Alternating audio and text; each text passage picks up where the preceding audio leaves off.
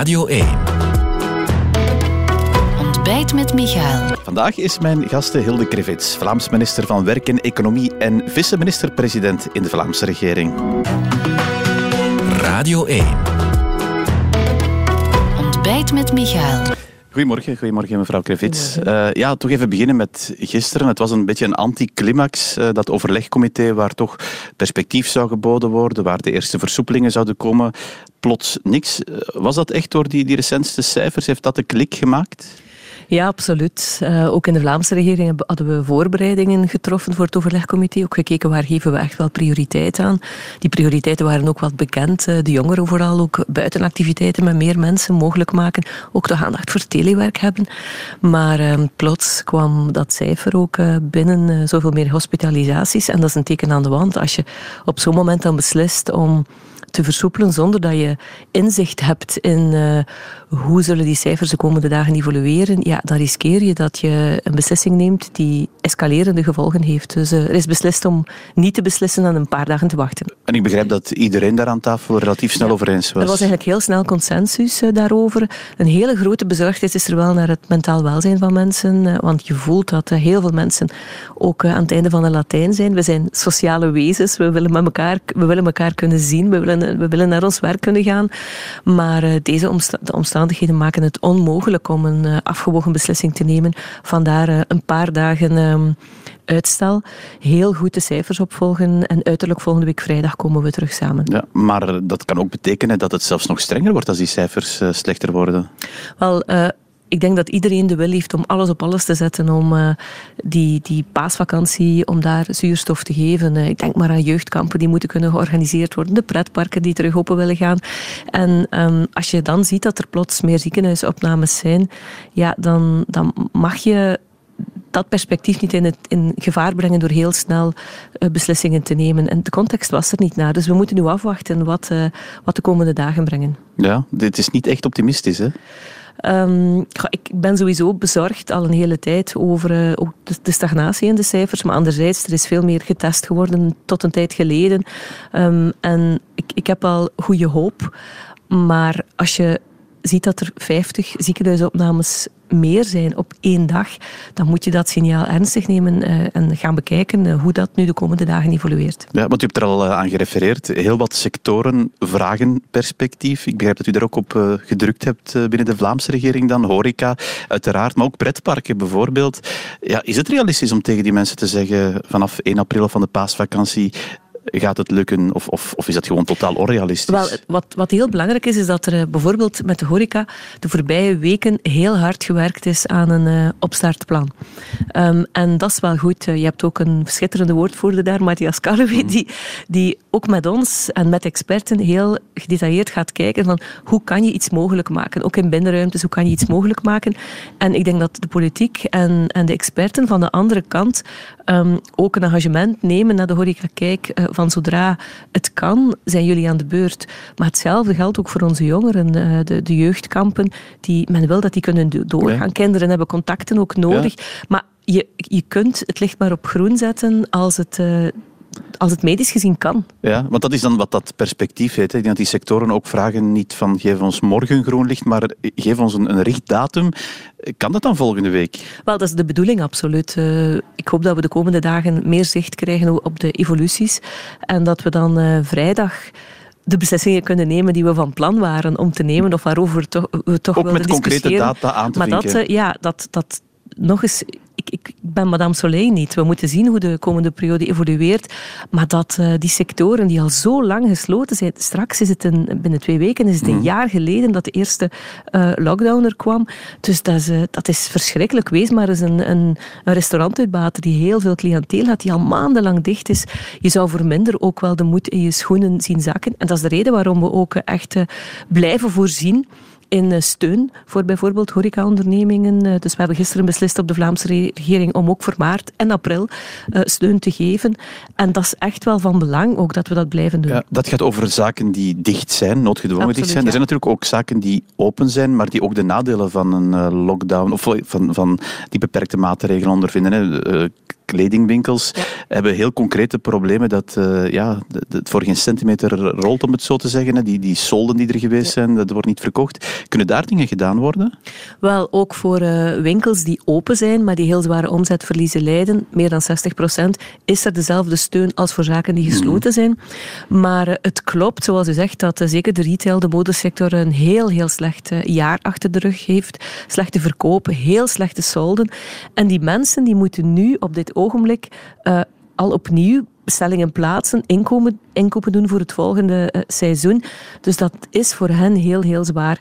Dus gisteren ook op de Vlaamse regering is beslist om een heropstartlening uh, als Vlaamse overheid ook in de markt te zetten. Dat is een lening aan een heel voordelig tarief om de directe cashnood die er is voor onder andere de modesector, uh, om die te kunnen lenigen. Betekent dus dat je als, uh, als uh, retailer een stuk zelf je voorschot betaalt voor het volgende seizoen, maar dat de Vlaamse overheid daar ook een stuk bij legt. En je kan dat dan terugbetalen over een periode van twee of zelfs drie jaar. Ja, dat is dan een lening voor, voor kledingwinkels, maar ook voor andere zaken? Dus, ja, we hebben eigenlijk niet beperkt. Het gaat over een heropstartlening. Heropstartlening betekent dat die zaken die opnieuw starten, dat kan ook in de horecasector zijn, dat die een bepaald bedrag kunnen lenen aan een heel voordelige rentevoet bij de Vlaamse overheid. Welke rentevoet is dat dan? De rentevoet is bepaald op 1 Het eerste jaar hoef je nog niet terug te betalen, dus de terugbetaling start vanaf het tweede jaar. Rentevoet is heel voordelig, maar de voorwaarde is natuurlijk dat je gezond was voor de crisis, dat je geen bankachterstallen hebt op dit ogenblik en dat je er zelf ook een stuk uh, van je eigen middelen of via een banklening bijlegt. Ja, u doet dat als Vlaamse regering, dat is eigenlijk de taak van de banken, hè, wat, wat u hier ja, zegt. Ja, uh, ik doe het eigenlijk uh,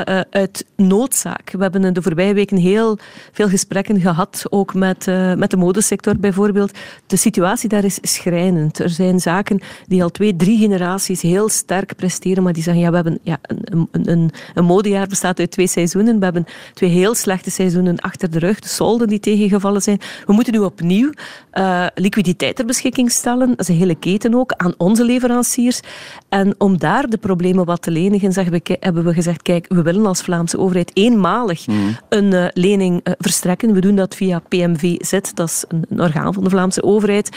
En dat moet eenmalig blijven aan een heel voordelige rentevoet. het is eigenlijk om de heropstart te steunen. Okay. je ziet zo ook de evolutie. Aanvankelijk gaven we aan de zaken forfaitaire steun. Dat is dan, er zijn ook waarborgen die we geven voor leningen en zo. Maar nu gaat het over maatwerk voor die sectoren van wie we weten dat ook als ze kerngezond zijn, er toch grote cashproblemen zijn. Dat is die heropstartlening. U bent ook minister van, van uh, Werk. Op dat vlak uh, hebben we de werkgeversorganisaties, VOCA, maar ook VBO deze week horen zeggen dat verplicht telewerk, dat begint, u sprak al over dat men, mentaal welzijn, dat begint zwaar door te wegen. Kan daar perspectief geboden worden als die cijfers niet te slecht evolueren? Wel, sowieso als we willen dat uh, mensen nog ettelijke maanden uh, telewerken volhouden. Want ik ga ervan uit dat dit niet zo snel helemaal mm -hmm. uh, zal verdwijnen. Ik wil ook wel dat dat in de toekomst zelfs structureel wat kan verankerd worden. Maar als we willen dat mensen het volhouden, zal er toch moeten nagedacht worden aan terugkeermomenten. Je ziet hoe zwaar ook dat telewerk weegt op mensen. Uh, woon maar eens in een huis waar de woonkamer tegelijk de werkkamer is. Dat, het is al bijna een jaar dat je, dat je ook permanent daar moet werken en leven. Dus u hebt begrip voor die vraag van die werkgeversorganisaties? Ik heb absoluut begrip. En het is niet alleen de werkgever die dat vragen, ook de vakbonden zijn sterk vragende partij. Maar ik vraag niet dat je plots telewerken gaat eh, afschaffen. Dat is onmogelijk in de huidige situatie. Maar wel dat er een perspectief geboden wordt om mensen ook eens een terugkeermoment te laten doen naar het bedrijf. Bedrijven maar kunnen eenmalig dat... dan zegt u, of echt op, vaste Ja, een terugkeermoment betekent bijvoorbeeld dat je één keer uh, per veertien dagen of één keer per week, afhankelijk van de noodzaak in een bedrijf, kunt terugkomen. En het is ook van belang dat uh, als er controle gebeuren in bedrijven op telewerk, wordt vaak vastgesteld dat bedrijven geen plan hebben over wie is hier nu essentieel. Uh, en als je zo'n moment zou toelaten, zo'n zo'n terugkeermoment, dat hoeft niet zo breed uitgesmeerd te zijn in de tijd, dan zal je ook ondernemingen veel meer stimuleren om dat plan te maken en dat goed te organiseren. Oké. Okay. Ik wil het even over de Vlaamse regering ook hebben waar u in zit, mevrouw Krevits. Ik herinner mij van, uh, ja, het is intussen al zes, zeven maanden geleden toen uh, die federale regering er kwam. U bent altijd uh, ja, kritisch geweest over die Vivaldi-coalitie, omdat u zegt, wij werken goed samen met de NVA. Het zou goed zijn dat die federale regering ook uit NVA bestaat. Dat is nu niet zo. Heeft dat consequenties in die Vlaamse regering? Het is zoeken naar een evenwicht natuurlijk. Ik heb altijd uh, gepleit voor een regering waar uh, zowel N-VA als PS aan deelnam op federaal vlak. Omdat ik denk ook als je voor grote hervormingen staat, dat je die twee grote partijen, grootste partijen nodig had. En ik zag ook mijn partij CD&V als goede... Blijft u daar nog altijd bij dat dat beter ja, ik, ik, denk sowieso als je grote structurele hervormingen wil doen, dat dat de beste keuze zou geweest zijn. Maar ik vind het anderzijds zeer, zeer goed dat er een volwaardige regering is. die leven, we hebben ook hele goede Vlaamse, hele goede federale ministers, ook, ook van mijn partij. Dus ik ben blij met de keuzes ook die gemaakt zijn. Maar het blijft zoeken naar een evenwicht. Ik geef een voorbeeld. Als je als eh, N-VA bijvoorbeeld zit in de oppositie, dus die, die gaan heel hard die federale regering mhm. aanvallen. In Vlaanderen zitten we samen met de Open VLD, CDAV en NVA in een regering. Ja, je moet daar een evenwicht in vinden tussen dat uh, oppositie voeren federaal, maar toch uh, ja, goed samenwerken in die Vlaamse regering. Ja, het valt vooral op dat de NVA en VLD echt wel uh, elkaar naar het leven staan, maar u zit wel dan samen in die Vlaamse regering. Dat, dat moet toch niet fijn zijn? Ja, het is zeer onaangenaam als natuurlijk partijvoorzitters met spek naar elkaar gooien elke dag. Um, maar we staan voor enorme uitdagingen. Als ik zie ook in de Vlaamse regering, ook budgetair, wat, wat inspanningen die wij leveren, ook uh, de moeilijke dossiers die opgelost moeten worden. Denk maar aan het zonnepanelendossier. Ja. Uh, dat, dat, dat, dat vraagt eigenlijk heel veel koelbloedigheid. En ik ben blij dat we die in de Vlaamse regering kunnen houden. Is dat om zo, goede oplossingen om, om daar even op door te gaan, dat, dat hele dossier rond die zonnepanelen. En nu komt uh, de voorzitter van Open VLD, Egbert Lachaert, uh, met uh, ja, de boodschap Vlaamse regering, u moet meer compensatie voorzien. en dan begrijp ik, u gaat daar dan niet op in. Maar ik, ik vind dit een hele rare boodschap. we hebben samen met de Vlaamse regering, waar Open VLD deel van uitmaakt, een, een regeling goedgekeurd. Onze parlementsleden, de experten ook op het vlak van energie, hebben een aantal voorstellen uitgewerkt. Kijk, als je tot een overeenkomst komt, dan vind ik het heel raar. Ik zou niet graag hebben dat mijn partijvoorzitter dan zou van aan de buitenbaan zeggen ja, maar ja, het is allemaal niet goed genoeg. Wat zegt die, die liberale ministers, die hebben dat gewoon mee goedgekeurd. Ja, maar collega Somers en, eh, en uh, collega Lydia Peters die maken deel uit van de Vlaamse regering. En ook gisteren is nog eens bevestigd dat we goede regelingen sluiten samen. Maar partijvoorzitters hebben het recht om te zeggen wat ze willen. Maar dit doet natuurlijk het vertrouwen uh, geen, geen, geen goed. Vandaar dat gisteren nog eens bevestigd is dat de regeling die we gesloten hebben, ja, het, het, is een moeilijke zaak. Het is een moeilijk evenwicht dat we, dat we vinden. Maar ik hoop dat we nu echt wel ook vooruit kunnen met dit dossier. Ja, dus een hogere compensatieregeling, dat zit er niet in. Wel, er wordt sowieso gesproken, ook uh, met de parlementsleden, over hoe kunnen we maatwerk leveren en het engagement dat geleverd was in mensen zo goed mogelijk nakomen. Maar ik vind, als je problemen hebt met een bepaalde regeling, dat je dat dan in de regering bespreekt uh, en uh, zo tot een oplossing probeert te komen. Ja, wat is de oplossing voor dat dossier rond de zonnepanelen? Maar er is, collega Zoualdimir heeft ook haar communicatie gedaan. We zijn tot een overeenkomst gekomen in eh, de Vlaamse regering. En daar moet je een evenwicht vinden tussen uh, ja, zorgen dat uh, de engagementen die je nam naar de termijn die mensen het, het gegarandeerde rendement dat we beloofd hebben aan die mensen die ook nog snel mm zonnepanelen gelegd hebben, hoe je dat zo goed mogelijk kunt, uh, kunt respecteren. Ja, want het is natuurlijk een dossier waar heel veel zwarte pieten naar elkaar worden geschoven. Ik lees nu vandaag in de krant uh, Bart Tommelijn die zegt dat die, die uitrol van die digitale meter, dat is iets wat NVA altijd uh, gewild heeft. Kijk, ik vind dat uh, onnodig. Uh, we hebben allemaal uh, een regeling goedgekeurd. Er is op de knop gedrukt in het parlement. Parlementsleden die moeite hebben, die kunnen altijd discussiëren. Maar ik erken wel dat het dossier van de compensaties voor groene stroom... Ik ben ook een paar jaar minister van mhm. Energie geweest. Dit is zo moeilijk. er is een tijd lang over gecompenseerd geweest. Ik herinner mij ook debatten toen ik zelf voor de eerste keer wilde die compensaties terugdraaien. Hoeveel tegenwind daarin kwam. Van, je mag dat niet doen. En de hele, niemand zal nog zonnepanelen willen leggen. Achteraf is gebleken dat uh, ja, het belangrijk was dat je op, als je zo'n steun geeft, dat je op tijd die steun gaat inperken ook. Ja, betekent dat dat u ook zegt, het is een soort collectieve verantwoordelijkheid van maar vele absoluut, partijen? Er zijn zoveel partijen die in de regeringen gezeten hebben. Ik heb persberichten gezien van alle partijen die, die zeiden van uh, kijk, je moet, je moet nu zoveel steun geven en, en draai die steun toch niet terug. Uh, maar het is, uh, het is, is een loodzwaar budgettaire last, ook voor de Vlaamse regering. En ja, je moet met koelbloedigheid dit dossier nu ook oplossen, zoals er nog wel andere dossiers zijn. En zoals corona natuurlijk, want daar zijn we mee begonnen. dat maakt ook wellicht een, een weekend voor u er anders uitziet door corona? Ja, de weekends zijn ontzettend veranderd, maar het leven is ontzettend veranderd. weekend is uh, heel veel digitaal vergaderen, uiteraard. Gelukkig dat we dat nu allemaal geleerd hebben.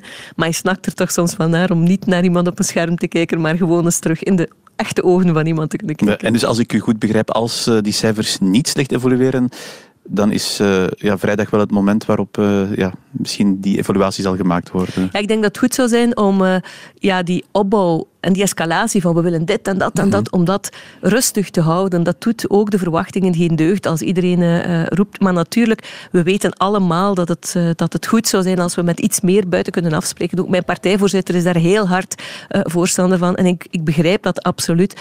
Dus ik ga ervan uit dat, dat, dat, dat de dagen die we nu nemen, dat die uh, goed zullen uh, zijn en dat we volgende week effectief ook uh, dat perspectief kunnen bieden. Maar toch eerst die cijfers in het oog houden Absoluut. en dan wens ik u een weekend vol digitale vergaderingen toe. Ja, en ook een beetje sport als het kan. Voilà, kijk, dan wens ik u dat ook toe. Dankjewel mevrouw Krivits. Dit was Ontbijt met Michael, een podcast van Radio 1. Ontdek nog meer podcasts van Radio 1 in onze app en op radio1.be. Altijd benieuwd.